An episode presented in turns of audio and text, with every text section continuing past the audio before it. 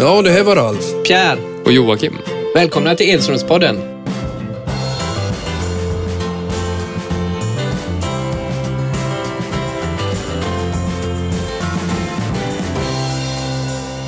Hej och välkomna till Edströmspodden. Idag ska vi prata om lite idrottsskador och rehab. Eh, Vi kommer prata hur gräs och konstgräs fungerar eh, med skadebiten. Eh, Vi kommer prata lite olika skador som vi har haft och sen så kommer vi även ha en av Sveriges bästa idrottsläkare här. Eh, men vi kan börja på skadetemat. Eh, Jocke, lillebror, eh, du, kan du dra? Vad har du haft i din karriär? Ja, jag har haft lite allt, lite allt möjligt men jag har ju haft en allvarlig skada och det är ju när jag drog av baksidan 2013 tror jag det var. Drog av den helt och fick eh, op- operera ihop den och sy ihop den i eh, ankarslyft tror jag det heter eller något sånt där. Ehm, och var borta i cirka 12-13 månader. Eh, rehab och så, så det var tungt. En tuff period. Ja, och det är det enda du har haft? Eller är det Ehm, lite... Ja men sen som klart man har haft lite baksidor och sen när man var lite yngre, 15-16 där så hade man ju en hopparknä eller vad det Ja, ja, men det är inga, det var- stora, nej, inga så- stora operationer på alla Nej, det, blev, det har varit en och sen så opererade jag bort halsmandlarna också. Det, Ja, det var ju inte så... Nej, det var inte... Så, nej. Du haltade inte då eller? Nej, det gjorde jag inte. nej, det är bra. Nej, jag har väl också en gedigen eh, lista här. Eh, Det började ju tidigt med att jag bröt eh, handlederna, båtbenen i handen på båda händerna samtidigt. Det var ganska intressant att klara sig då. Eh, korsband två gånger, höger knä, eh, bröt eh, längdkotan i ryggen, eh, båda ledbanden sönder och sen avslutade karriären med att bryta foten. Eh, det var eh, mycket, mycket operation på, på de grejerna. Så att, eh, men pappa, du har också en ganska gedigen lista. Ja, hur lång sändningstid har vi? ja, det är ledband 77 mot Norge, korsband 82 mot Lans när jag spelade i Monaco. Eh, Jag har brutit näsan två gånger. Sen har jag ju många stygn. Jag har sytt i läppen, och hälen och ögonbryn och upp i skallen också. Eh, Och så den här konstiga sträckningen jag fick mot Benfica när jag kastade blommor till publiken. Den är den mest Den Okej, vad- du får ta oss igenom den. Vad, vad var det som hände? Nej, vi, var, vi var, skulle spela i kvartsfinal i var det cupvinnarcupen mot Benfica borta och eh, vi, bussen var, kom sent till, till, till arenan. De hade räknat på tiden men då var det ingen publik. Eh, på dagen innan körde vi den. Nu kom vi fram en kvart innan. Vi bytte om i bussen, ut och värmde väldigt snabbt, tillbaka in i omklädningsrummet. Och sen vet jag fortfarande inte varför vi skulle kasta blommor till den publiken. Den var fullsatt. Eh, eh, det var fullsatt på läktaren och jag kommer ut och kastar blommor. Halkar, benen åker undan. Det är galler i backen, åker ner med och slår i baksidan låret. Och så springer jag fram till Björn Åkvist som spelar i PSV då och sa jag har sträckt mig, så larvar inte nu kommer jag, han vet att jag skojar ganska mycket. Springer ut till, till, till, eh, till, mm, dock, till um, tränaren och säger det, jag har sträckt mig. Ja men kör ändå så länge du kan. Och vi gör 1-0, jag tror Rinne van der Kerk och gör 1-0. Jag går ut efter en kvart, det finns ju inte möjlighet att springa på en sträckning. Det grejen var ju att, att eh, journalisterna trodde det var ett taktiskt drag att byta ut mig efter en kvart. Men jag var borta någon match efter det och det är den dummaste skadan jag haft någonsin. Ja, den var kanske inte helt eh, lätt att förklara. Eh, men som ni förstår så eh, läkaren är ju oerhört viktig i ett fotbollslag och får ju ta väldigt mycket eh, beslut eh, och det är lite det vi ska prata om. Men, men, eh, och det första man kommer i kontakt med i stort sett är ju läkaren vid en eh, läkarundersökning. Eh, för att eh, kontraktet ska godkännas så eh, Precis innan det skrivs under så brukar man få komma och få läkaren känna på en. Har du eh, varit med om det Joakim, i det du har varit med i? Ja, 2011 då när jag gick eh, från Frölunda till Gais eh, så hade jag skrivit på kontraktet men det började inte gälla förrän man hade gjort sin läkarundersökning. Så jag åkte ner till eh, stan Ullevi någonstans där och träffade Mats Börjesson som var Gais läkare då och eh, fick, de drog lite i leder och baksidor och kollade att man eh, Eh, var stabil i hela kroppen och eh, det visade sig att jag var lite kort eh, på högersidan av kroppen så jag fick börja stretcha men jag klarade läkarundersökningen då. Så jag stretchade högersidan ett tag och så gjorde vi en till läkarundersökning sen. Klarade den så det var, det var jättebra. Nej, den är ju oerhört viktig den här läkarundersökningen för det är ju några mm. som har fallerat där på, in i, på no, målsnöret kan man ju säga. Men, men eh, som förening eller som klubb är det ju oerhört viktigt att få en spelare som är fullt frisk. Eh, för den kostar ändå väldigt mycket pengar. En, det är ju en investering man gör som förening. Eh, jag vet eh, ja, nu var det en anekdot från, från USA-tiden där som jag inte fattar varför vi skulle göra, men då, då klev man in där och så skulle, skulle de höll dem i, i kulorna så skulle man hosta. Jag liksom inte, det kanske vi får fråga våran, våran gäst senare varför man skulle göra det, men jag tror inte man gör så i, i Sverige eller Europa. Har du varit med om något sånt? Abba? Nej, inte när det gäller att kolla om man är frisk när man spelar fotboll. Nej, men jag har eh, var med om en test när jag skulle till Standard Liège. Vi hade, jag spelade i Blåvitt då. Och, eh, och, vi spelade mot Halmia borta. Jag, jag gjorde målet för att vi vann med 1-0. Men jag fick en sträckning samtidigt också. Så skulle jag ner och testa mig i Standard Liège då. Och, eh, det, de testade ryggen framförallt, men så skulle jag upp på ett löpande band. Det var som djurförsök nästan. Klämma för näsan, en stor jäkla slang i käften. Och springa på en sträckning, det vet det är inte så enkelt. Så jag sprang väl en minut ungefär. Så doktorn pratade med tränaren och sa att eh, ja, Edströms kondition var inte det bästa då. Men då sa Ernst Happel som var tränare i Lerström, han ska inte springa som en garning, han ska ligga där framme och styra spelet så vi köper honom. Så den eh, grejen var ganska rolig, men just det här att slang i käften och kläm på näsan, det var lite konstigt faktiskt. Ja, det kan man ju förstå. Eh, nej, så att, så att läkarundersökningen är ju det första som händer och sen så är det ju viktigt att man bygger teamet och, och eh, för föreningen är det viktigt att ha ett bra läkarteam för de är ju ganska avgörande. De bedömer ju eh, väldigt mycket vilka som får spela och inte spela. Eh, det är så med landslagsläkare och klubbläkare, där har vi ju en liten eh, fight också. Eh, ja, ja men framförallt eh, killar som kommer hem från proffslivet, från olika proffsklubbar. Där är det ju ganska känsligt får man ju säga då. För att ha, de sätter ju press på spelare som ska, ska, som ska iväg på ett landslagsuppdrag. Då. Har den minsta känning så tror jag nog att klubbdoktorn säger till dem att det är lika bra att stanna hemma. Och det, det, det, och jag vet ju själv att det är tufft när man åkt på, vi spelade mot Skottland här i, i Göteborg. Eh, Björn Nordqvist och jag spelade då i PSV. Vi var inte så sugna på att komma hem eftersom vi hade en viktig match med PSV. Eh, det var lite dumt kanske, men jag var naturligtvis skadad men inte så farlig. Jag fick sy i läppen och Björn fick också en liten skada då. Men det är alltid känsligt då när man kommer hem till klubben. Jag kom hem från ett landslagsuppdrag i Danmark här i Göteborg. Jag fick en sträckning på baksidan och kommer ner till Standard så man känner sig ganska billig då när man kommer hem till, till den klubben och de som avlönar den ska vi säga.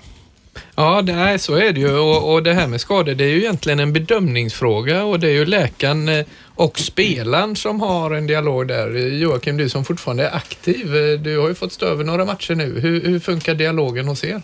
Um, ja, men den funkar ganska bra faktiskt. Är, jag pratar, vi har Janne Karlsson som tränare. Jag eh, pratar inte så jättemycket om han om just de skadorna man får utan man eh, pratar med sin läkare. Eh, vi har ju en som heter Josefin nu då som vi som jag pratar med och sen så meddelar ju de eh, tränarna vad det är som har hänt, ungefär hur lång tid man kommer bli borta.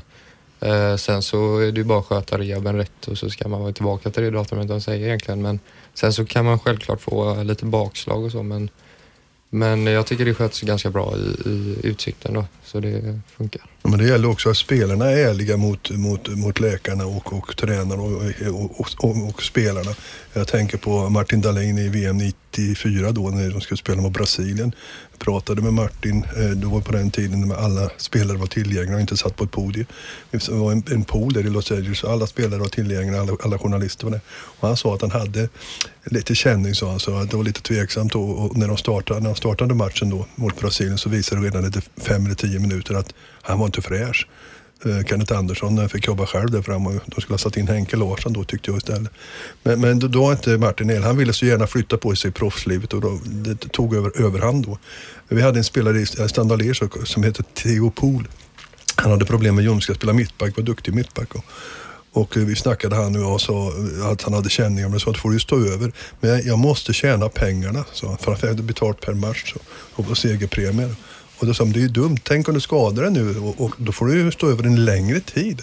Och mycket riktigt matchen som spelades då dagen efter så drog han ljumsken. Då var han ju borta i fem, sex, fem, fyra, fem veckor i alla fall på det.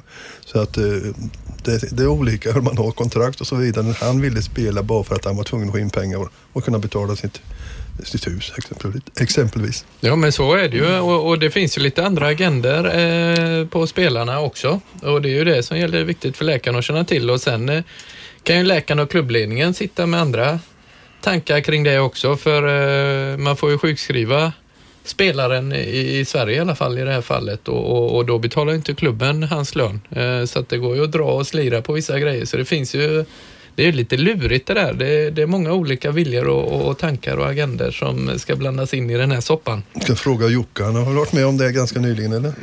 Ja, det, det är ett jävla jobb egentligen med, med sjukförsäkringen och allting där med, som är i Sverige. Eh, jag kommer ihåg då jag drog baksidan så, så gick jag ju sista två månaderna, två och en halv, tre där utan lön eh, helt och hållet för jag blev utförsäkrad av försäkringsbolaget då. Eh, så det är ju tufft och det är klart, då vill man ju bara säga att man är frisk och kan spela men man måste ju vara ärlig och säga att man kan inte. Det går ju inte att spela om man eh, känner någonting och då fick man gå där utan lön. Mm. Ja, det är ju det som är det luriga då och, och det här, allt det här ska ju då läkaren bedöma på ett korrekt sätt. Eh, så det, det är en bedömningsfråga helt enkelt. Ja, man kan ju ta egna försäkringar också. När man var proffs så PSV försäkrade klubben. Eh, I Standard eh, fick man ta en egen försäkring. I Monaco, det, det, tycker jag är hemskt att berätta, men det är faktiskt så att jag pratade med våra mittback Jacques Perret. Vi skulle spela match på lördag borta mot Lens så pratade man om på fredag. Nu har jag spelat ett och ett halvt år i Monaco, så jag till honom. Det är väl dags att jag tar en försäkring i alla fall. Ralf sa vi tar den på måndag. Det var match lördag kväll mot Lans borta och eh, då drog jag korsbandet. Fick inte ut någon försäkring överhuvudtaget och det var säkert uppåt emot en halv miljon. Roland Sandberg skadade sig i Tyskland, fick ut pengar på försäkringen, flyttade hem till Sverige. Eh, sen började han på att bli pigg igen och frågade, ringde ner till försäkringsbolaget i Tyskland och frågade om det eh, är okej okay om jag börjar spela fotboll igen. Och fick ett okej. Okay. Så han fortsatte spela i Kalmar eh, efter den här skadan och han hade fått ut, hade fått ut försäkringspengar också. Det var lite skillnad på mig, vad jag hade. Ja, men så är det ju inte. I utlandet eh, så är det ju eh, så får du ändå pengarna hela tiden, eller månadslönen i alla fall om du är skadad. I ja. Sverige är det ju inte, i Sverige får du inte det. Nej, nej, det stämmer gott det. Eh, men, samtidigt när jag var i Liège då, när jag drog baksidan det, då fick jag ju naturligtvis en månadslön. Men jag fick ju inte ta del av segerpremien och så vidare. Som jag hade lagt tyngd, tyngdpunkten på. Jag chansade lite, tog en lägre månadslön bara för jag trodde att laget skulle gå bra. Och vi kom tvåa och trea i ligan. Så det gjorde väldigt bra. För att man fick, poäng, eh, man fick pengar per poäng man tog. Jo, jo, men om du varit skadad hade du inte Då fått hade det. jag inte någonting. Nej. Nej. Jag är lite gambler vet Ja, ja, ja. Nej, så är det ju. Eh, vi tänkte kolla lite här också. Eh, gräs eh, mot konstgräs. Eh, jag och pappa, vi har inte spelat så mycket konstgräs, men, men vad är känslan? Det är väl ändå att det blir, uppstår andra skador där? Du eh, Joakim som har spelat mycket konstgräs. Ja, eh, det har gjort väldigt mycket skador på konstgräs men jag tycker ändå det är, Alltså på vanligt gräs så kan man ju fastna mycket enklare och man kan, om det är lite blött eller så så är det inte så lätt men om det är torrt eh, på gräset så är det ju så kan man ju fastna och vrida knäna och på konstgräs så är det ju samma grej men det är ändå inte riktigt det. För det är liksom inte, man sjunker inte ner på samma sätt som man gör på gräs i så fall. Um, men samtidigt så, så är det ju väldigt många som har skadat sig. Jag har ju spelat med Rickard Spång där eh, i Gais eh, som hade korsbandet året innan jag kom och sen så när jag kom första träningen till Gais så drog han korsbandet på första träningen där också. Eh, och sen senare när jag var tillbaka så drog han sitt tredje korsband. Så han hade ju en tuff period ett tag där och det var ju bara, jag trodde det bara var på konstgräs då. Eh, så det är ju, jag vet inte riktigt vad jag ska säga skillnaden på dem. Nej, men det är skillnad på konstgräs idag och jag vet eh, när jag spelade i IFK Göteborg när Tord Holmgren på Vallhalla på den konstgräsen var då, vi pratar 77-78 någonstans där. Och då var det ju snustort va, så det tog tvärnit direkt och så drog han då, jag tror det var bak främre korsband när Tord Holmgren drog då. Men idag finns det ju till och med, jag läste i tidningen, hybrid. Alltså de blandar konstgräs och naturgräs. Och det var väl ett division 3-lag som eh, jag läste om i Ljungby nere i, i Småland som skulle... Det var lite dyrare att köpa förmodligen men, men, men eh, jag tycker, jag är ju för naturgräs och kommer det alltid vara. Jag är som sagt, jag brukar säga, jag är glad att jag har lagt av nu när det kom sig konstgräs. Sen tycker jag Daniel Andersson, eh, Malmös sportchef, sa det väldigt bra. Vi sa Malmö har svårt att spela på konstgräs eftersom de har naturgräs. Då säger Daniel Andersson, alltså den generationen som, som, som kommer upp i A-laget nu, A-laget nu de är vana vid konstgräs. Så det, det tycker jag är rätt. För det, det är skillnad då för kanske tio år sedan när man inte var så mycket konstgräsplaner. Att gå från eh, natur till konstgräs, det var ju svårare då. Men dagens ungdomar ju väldigt många, har ju spelat väldigt mycket på konstgräs. Men idag är det ju liksom Konstgräset idag är ju lite längre också som mm. nästan vanlig gräs plus att de oftast vattnar eh, konstgräset så att, den, så att det inte är så torrt och då, då blir det ju mycket bättre om det liknar mer eh, vanlig gräs. Ja, men när man gjorde glidtackningar och sånt så konstgräset, ja. för det var ju brännskador. brännskador. Ja, det är, det är fortfarande... La, lakanet satt kvar på ja. morgonen efter ja. man sovit. Så det, det, det är det fortfarande på Rudalen kan jag säga, men vi ska byta den i, i vinter här nu. Så, med, men ni har inte haft eh, några större skador på Rudalen? Uh, Eller eh, korsband i år? Nej, inga korsband eller någonting faktiskt. Eh, men jag drog, det var ju där jag drog min baksida på Rudalen faktiskt. Eh, men det var inte på grund av gräset riktigt. Det var ju då jag skulle göra en bicicleta alltså som inte, min kropp eh, kanske inte var så vig för att hoppa upp där och göra det. Så det var där jag skadade mig. Ja, vi ska inte göra bicykleta alltså, i Edströmmar för det gjorde jag mot AIK 1978 och landade och drog armbågen ur leden. Det är det ondaste jag haft någonsin. Så vi får nog hålla oss på fötterna och inte göra sådana cykelsparkar som exempelvis måste jag ändå ta fram Markus Marcus Rosenberg. Två gånger i samma match gör han en bicykleta som tar i ribban. Det var ursnyggt och synd att inte någon av dem går in. Men bicykleta ska elströmmarna hålla sig ifrån.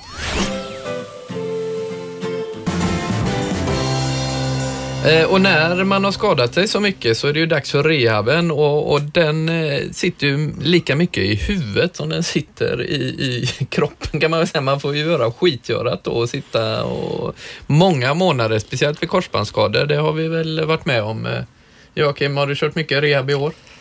Um, I år har det faktiskt inte blivit så jättemycket. Uh, det varit, uh, det, de skadorna jag haft i år är en ljumske som jag hade lite problem med och då körde jag kanske en vecka bara. Uh, nu håller jag på också att köra lite rehab för ljumsken igen. vad är, men rehab, vad gör man? Hur, hur, vad, um, vad är det du gör? Ja, jag är inne i gymmet mest och, och vad ska man säga, inte så jättemycket vikter utan det är mest vad ska man säga? Rörelse? Rö rörelse för att uh, förhindra att man ska få de här skadorna. Och det är just för ljumskar jag gör nu. Och, det är väl stretching och sånt som ingår ja, också antar jag? Ja, man ska inte stretcha, inte så, inte så man, ska inte, nej, man ska inte stretcha en uh, muskelbristning tror jag. Uh, men däremot när jag fick baksidan där så var det ju borta i 12-13 månader och då hängde jag med just Rickard Spång ett tag där inne i gymmet och då var man ju sex med i sex månader nästan körde jag hård rehab och då var det nästan nio pass i veckan. Eh, då körde jag tre måndagar, onsdagar och fredagar inne på rehab på morgonen. Eh, och sen så direkt upp till eh, Gaisgården för att eh, i princip jogga runt plan om jag kunde jogga då. Första fyra månaderna kunde jag inte jogga alls. Eh, men sen så var det upp och försöka jogga igång det och kanske ta några passningar. Eh, tills det kändes bra och sen så var man kanske helt slut dagen efter och då fick man vila ett pass och så. Eh, så man får ju anpassa sin träning efter vad man känner dagen efter för det är ju dagen efter man känner det hela tiden. Eh, och sen har man ju oftast någon som står och piskar på en och jag, jag hade ju några år där då jag var eh, frisk eh, på försäsongsträningen så hela skitgörat fick jag göra och sen så var jag skadad när säsongen drog igång. Och då eh, blir det ju mentalt blir det ju fruktansvärt jobbigt eh, när man ser de andra springa ut på gräset och hoppar och skuttar och så ska man själv in i liksom betonghålan och, och gräva ner sig och bara köra. Ja, och vi har exempel i år på det, IFK Norrköping, Niklas Bärkroth som gick väl sönder i första matchen. Och det, det är jobbigt då när man har gjort det hela tunga försäsongen och helt i första matchen eh, blir skadad. Eh, jag själv eh, har väl också rehabat en hel del eh, och eh, det jobbiga var väl eh, i Holland, det gick ju bra i tre år sedan, var det problem med ryggen och fick då sträckningar och Eh, det, gick, det gick sämre för PSV också och jag fick springa mina runder och se då de här killarna som spelar. Till slut var det lite panik på tränaren och han trodde, han sa du, du måste vara med och träna snart. Men jag, jag kan ju inte, jag känner min egen kropp. Ja, men han sa okej, okay. ja, men det, det kommer inte att funka. Men jag, jag löd honom och klev in på ett tvålagsspel. Pang sa det, inte långt efter det drog eh, baksidan igen då. Så att, eh, jag sa, vi har, du, du har tränat mig i tre och ett halvt år nu jag trodde du kände mig bättre. Tror du att jag vill springa de här jävla rundorna här när jag ser alla spela med boll? då känner du dig väldigt dåligt efter tre och ett halvt år sedan. Så då var jag lite irriterad på den eh, mycket sympatiska Chris Rivers. Men jag hade också eh, rehab efter, efter skadan i Norge, eh, ledbandet där. Och man blir ju så himla glad då när man känner att musklerna är på väg tillbaka. För att tar man av, då gipsar man ju upp till ljumsken. Och när de tar av gipset då, då är det inte mycket kvar av benet. Det ser ut som en pipremsa ungefär. Det är väldigt smalt. Va? Och det gäller att jobba upp muskelmassan igen då. Så att det, det är oerhört tufft. Sen när jag kom hem till ÖIS, jag rehabade i två år. Nästan ett och ett halvt år och det var mentalt jobbigt. Jag skulle göra mitt första löppass. Jag kommer ihåg att jag jobbade i radion. Eh, det var eh, Sverige mötte Malta i Norrköping. Och landslagsläkare var Jan Ekstrand. Och jag skulle springa på den plan de tränade, A-landslaget det. Och jag hade tagit av mig kortbyxor och shorts och skulle springa då. Och Jan Ekstrand han skulle, eh, han skulle linda av mitt lår. Och jag står där och jag, jag sa ingenting, jag höll mig inne ganska länge. Men att han lindade om det benet som var skadat. Och det var ju en sån stor skillnad på det som var skadat och det som var friskt. Så jag höll mig in ganska länge då tills, tills Janne, nu får du tänka dig för lite grann. Så. För att det är ju inte det benet du ska linda. Så att eh, det var första gången jag sprang då efter, efter skadan. Men tyvärr så, så det mentalt orkar man Och sen när jag sen då efter ett och ett halvt år ungefär försökte rehabba för att komma tillbaka. Så när jag äntligen tog beslutet att nu lägger jag av så var det någonting som lättade från hjärtat faktiskt. För att det var oerhört, oerhört jobbigt mentalt som sagt. Ja, det är ju det att få med sig huvudet hela vägen så att man är eh, laddad och tar sig igenom den här perioden. För fotboll är ju det man älskar men eh, det, det, ibland så tvivlar man. Eh, och mm. vi eh, fick ju avsluta våra karriärer faktiskt på grund av skador eh, och vi hoppas väl att Lillebror inte ska göra det. Eh, men jag var ju 21 när jag drog korsbandet där och flyttade till USA men sen så gjorde jag ett försök i Gais. Och då var jag 26 när jag bröt foten så att eh, mm. längre än så var det inte för mig. Hur var det för dig pappa? Ja, jag hann ju bli 30 i alla fall. 7 december 1982 eh, la borta gick korsbandet då. Så vi får hoppas att eh, Jocke är den som slår det rekordet. 30 ska en bit eh, längre skulle vi kunna klara med om du får vara frisk naturligtvis. Hur många ja. år? Då har vi ett gäng år kvar här som vi ska Ja, det, åtta år, det känns eh, ett tag kvar då. Men jag kan säga när jag drog min baksida där så då var det ju Ja, efter sju månader, åtta månader så efter gymmet så, i gymmet så var det jäkligt jobbigt alltså. Då var man ju nästan nära på att lägga av där ett tag och man kände att det är helt omöjligt att komma tillbaka när man inte ens... För det första kunde man inte jogga efter tre månader och sen så körde man och så fick jag ett litet bakslag och fick backa tre månader i rehaben och så var hela året borta och så var det vinter och så var det kallt och så var man helt förstörd. Risken när, när du har sådana skador, man har skador, vi säger att du skadar höger, men att eh, risken för följdskador är ganska stor. Hur man, man överbelastar det andra benet och det är inte alls överraskande då att man har en skada i ett ben och sen efter det kommer det tyvärr något bakslag att man, att man, man, kanske får någon sträckning i det benet som man har belastat rejält. Så att det, det får man eh, räkna med lite grann. Man ska inte bara, när man rehabar en skada så, så ska man inte bara köra för det benet man har skadat utan man måste underhålla hela kroppen eh, i princip. Ja, det är samma det att du får inte bli för stark på framsidan av eh, benen och inte träna baksidan. För blir du för stark i musklerna fram på, på benet då är risken stor att du drar baksidan för du är för stark där och du är för svag på baksidan av låret. Ja, men så är det ju. Det finns ju mycket att tänka på och det är ju flera som har haft eh, skador som har varit bland Sveriges mest lovande. Eh, jag tänker främst på Bosko Orovic eh, som eh, i 73-landslaget, eller tillsammans med Terry Lucic, de var jätteframgångsrika i Lumbi. Men han är ju inte ensam utan det är ju den här övergången då från pojkjunior upp till A-lag där man belastar mycket hårdare och det, det, är ju, det är ju lurigt. Det är ju väldigt många som faller bort där i, i den åldern. Ja, det är det. Vi hade ju en, en Landskrona-kille, vad hette han Fredrik? Eh, jag tror han hette Nils. Fredrik Nilsen. Ja, Nilsen ja. Han var, ja. fick lägga av. Väldigt lovande. Spelade väl i A-lagsfotboll när han var 16. Jag tror jag såg en match mot Mjällby när han gjorde mål också. Det var, han är 92 han är så det, ganska, det var inte länge sedan. Ja. Ja. Nej, det, det är alltid tråkigt att, att det blir eh, ja, så att de får lägga av så tidigt. Ty, tyvärr är det så. Det beror ju på kanske att de, som du säger, de har börjat också tidigt och spela seniorfotboll. Tittar man på, på, på, på, på knäskador och sånt eh, så, så, så tittar man på damsidan så har de ju tre gånger större eh, risk att eh, få knäskador. Och det tror jag också beror på att just damfotbollen, där börjar de väldigt, väldigt ungt. 15-16 år spelar de mot seniorer. Och det blir tuffare då. Och de är väl lite skörare i knäna då. Så att, eh, nej, det tråkiga som finns är att eh, man får lägga av för tidigt. Vi får vara glada du och jag, Pierre, att vi höll så pass länge i alla fall. Och Jocke i alla fall snart 23. Så det är bara att kämpa vidare.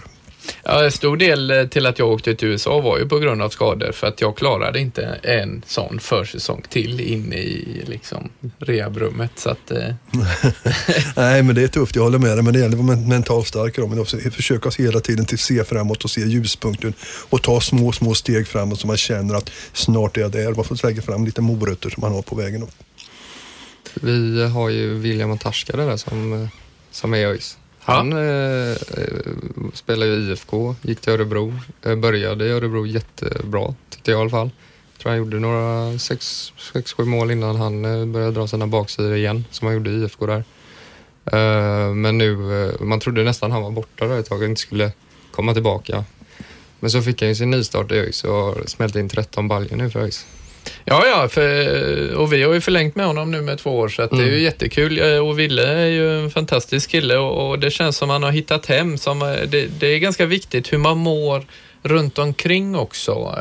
Ja, vid sidan om. Vid sidan eh, det, det, det, kan man märka av på vissa spelare som, som eh, inte trivs. Eh, det är viktigt att ha med sig. Det, är därför det är så lurigt med de här killarna som flyttar ut när de är 15-16 i Europaklubbarna det blir ju extremt eh, svårt för dem eh, då, då de inte har tryggheten med sig. Så att, men just i Willes fall så, så känns det som han har hittat hem och trivs väldigt bra och jag tror det är därför han presterar så bra. Ja, han är, han är mycket, han är bättre än att spela, för att spela division 1 tycker jag. Han ska ju vara minst i allsvenskan. Jo, men det är ÖIS också.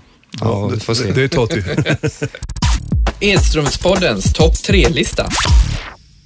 Eh, veckans topp tre-lista är otäcka skador. Pappa, du har en, en eh, lista där på hemskheter. Jag vill inte säga topp tre egentligen, för det, det är jätteotäcka grejer. Dick Andersson i IFK Göteborg mötte AIK på Råsunda 1963 och eh, krockade med målvakten Arne Lundqvist och eh, bröt benet. Det är en otäck bild som benet, underbenet ligger nästan parallellt med gräsmattan. Eh, sen Henrik Larssons eh, skada i eh, Lyon Celtic i Europacupen 99 när han bryter benet och det var hemska bilder att se också. Sen tycker jag också Thomas Brolin mot Ungern i EM-kval mot 1994 när det, han, det syns direkt att det går fel i vristen och benet på honom så att det, det är otäcka grejer. Ganska nyligen såg vi också en, vi kan ta topp fyra, men det var ju Luke Shaw som mot PSV mot Manchester United som bröt benet. Det var ju Moreno hette han väl som stämplade honom, eh, mexikanen. Nej, det är otäckt och jobbigt med skador. Ingen tvekan om det. Om ni mot förmodan vill se dessa otäcka bilder så ligger de på Edströmspoddens Facebook-sida.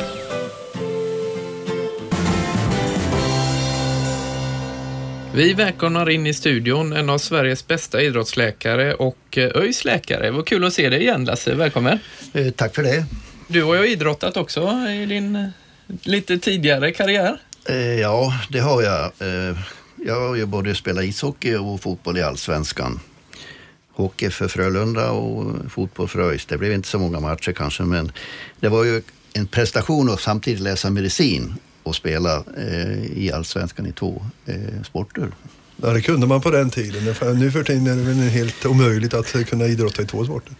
Ja, det, nu är det helt omöjligt. Men jag kommer ihåg eh, en av de eh, matcherna i augusti då hade vi en träningsmatch klockan ett eh, på uterinken på Ullevi och så klockan fem var det eh, Örgryte-Hammarby. Okay. Och efter den uppvärmningen så satte jag två mål eh, mot Hammarby och det, det, är nog det bästa jag har gjort Det låter bra. Ja, det är fin uppvärmning. Du är docent också och du har ju mycket på din resumé när det gäller din yrke som läkare. Kan vi få en, en snabb sammanfattning av Ja, eh, jag är ju till och med professor. Ja, ja. ursäkta. Men man blir docent först och sen ja, blir man professor. Ja. Så det är liksom en karriärstege. ja, alltså jag eh, kom ju tidigt i kontakt med skador eh, eftersom jag spelade själv och blev intresserad av mm, att gå vidare inom medicinen, inom ortopedin. Men egentligen så började jag med kirurgi. Så jag, gjorde 20, jag gjorde fem år i Kungälv, allmän kirurgi och ett års barnkirurgi. Och sen så träffade jag eh, Bertil Stener när jag eh, kom till Salgrenska för att eh, studera eh, kirurgi eh, djupare. Eh, då fick man nämligen eh, för att få en specialistexamen eh, ha eh, anestesiologi.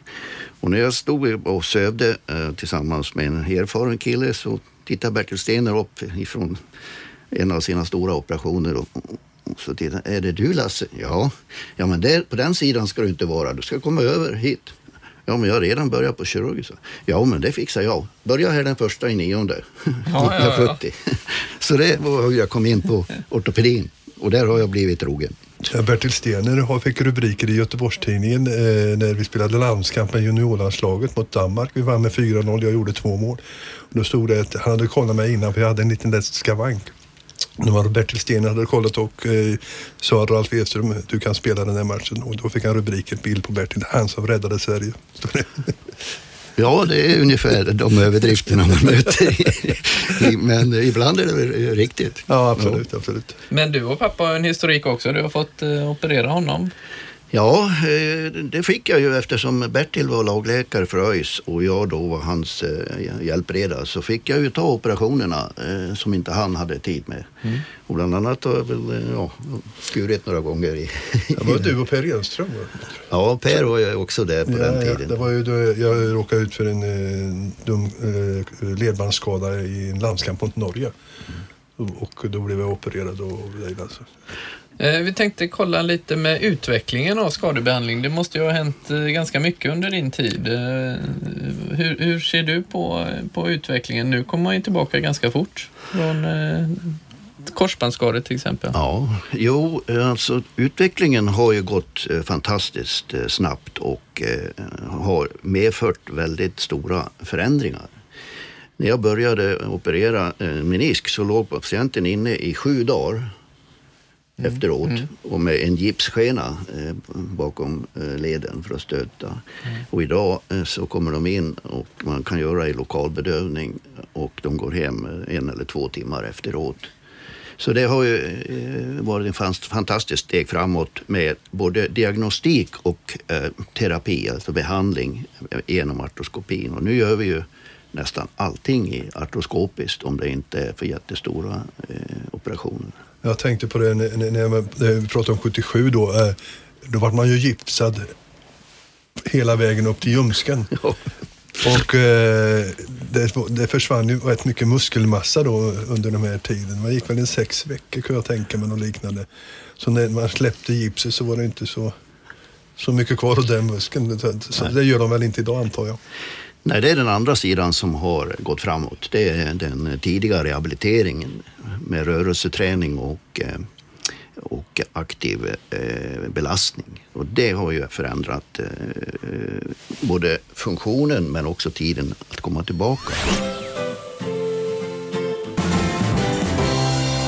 Jag vet ju att du har varit med och kollat på undersökningar med eh, naturgräs mot konstgräs. Eh, hur, hur ser du på eh, själva skaderisken med de olika underlagen? Ja, man har ju haft konstgräs som ett, ett alternativ till grus först. Ja. På dåliga grusplaner och lerplaner. Men, men nu har det ju utvecklats så tillvida att från Vallhalla då som jag var med och undersökte det fann vi ju att det var mer skador på konstgräs, men av en annan typ. Det var mm. mer eh, senskador och överbelastningsskador eh, och även brännskador. Mm. Och det berodde på att friktionen var så hög. Sen har man ju utvecklat detta så man har fått eh, en bättre friktion och eh, mm, bättre material. Men det som är totalt avgörande det är hela så att säga komplexet vilket är underlaget under själva konstgräsmattan. Mm, okay. Man börjar med till exempel betong i amerikansk fotboll och det var ju livsfarligt. Mm. Skallskador och eh, andra skador.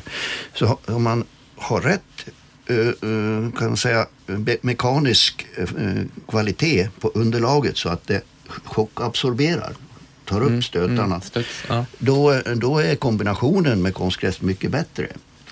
Och det, och det är den utvecklingen som sker nu.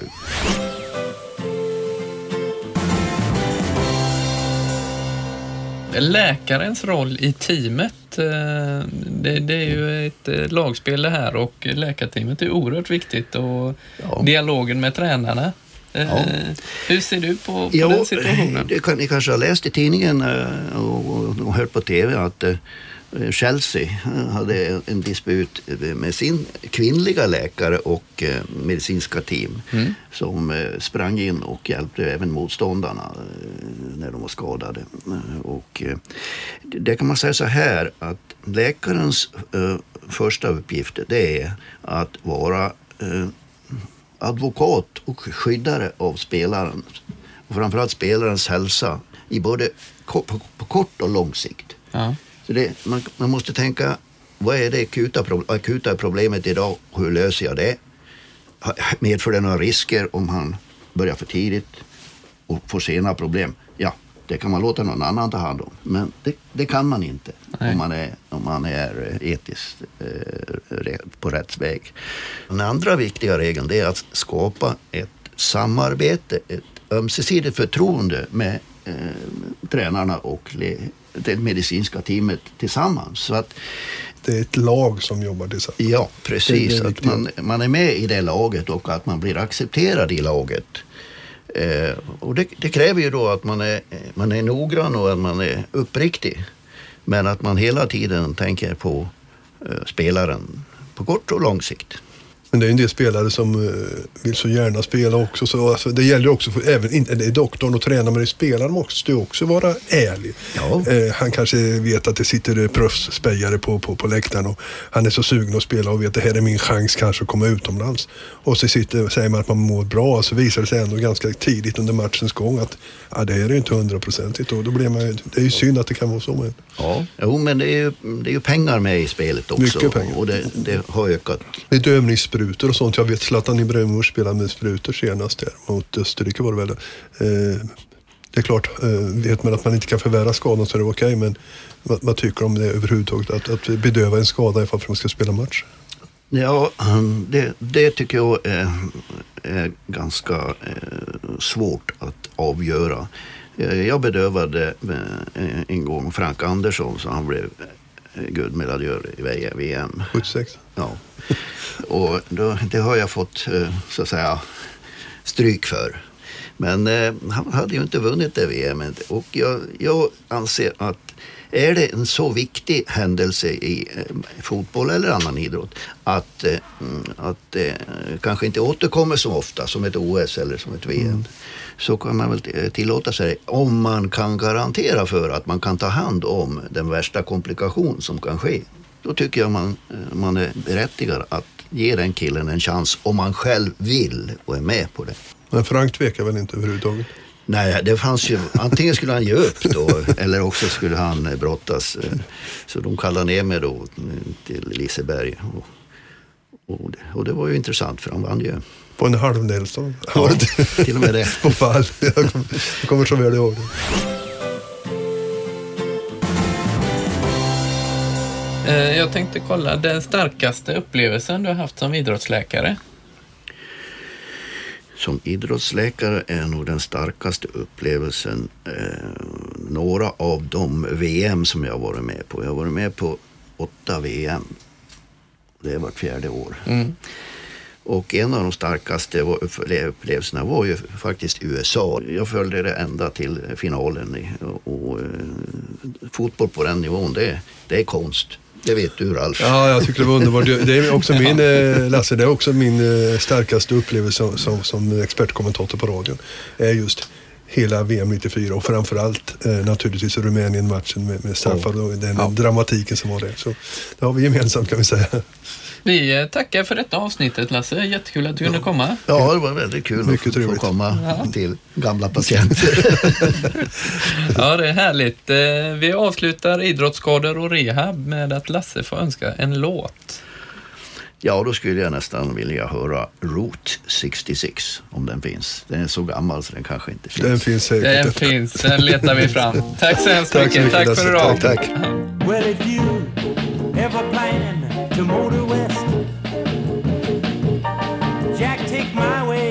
It's the highway, that's the best.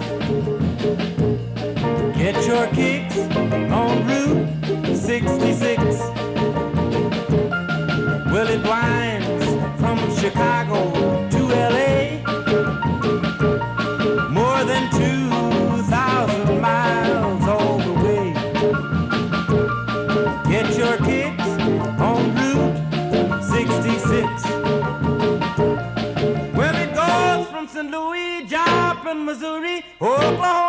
looks so, so pretty, you'll see. Amarillo, Gallup, New Mexico, Flagstaff, Arizona, don't forget Winona, Kingsman, Warscow, San Bernardino, won't you?